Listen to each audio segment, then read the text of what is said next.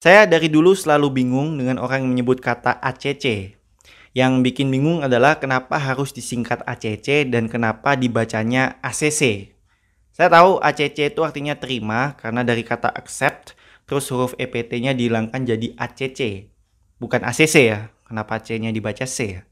Dan juga bukankah malah jadi tidak efektif kalau menyebut kata ACC daripada accept?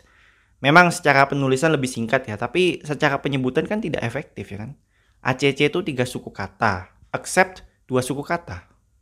Nah, yang bikin saya bertanya-tanya adalah siapakah orang yang pertama kali kepikiran untuk menyingkat kata accept menjadi ACC dan disebutnya ACC?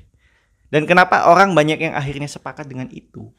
Kalau misalnya orang sepakat dengan kata ACC yang disebut sebagai ACC, kenapa tidak ada orang yang sepakat untuk menyingkat kata reject menjadi REJ?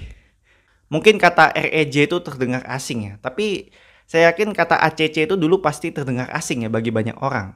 Tapi karena banyak yang menyebut kata tersebut, ya akhirnya jadi kata yang familiar.